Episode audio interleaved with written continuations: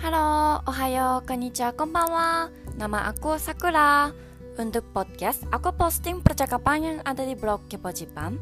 Dengan mendengarkan contoh percakapan setiap hari, tanpa kamu duga, kamu mungkin akan cepat mahir bahasa Jepang.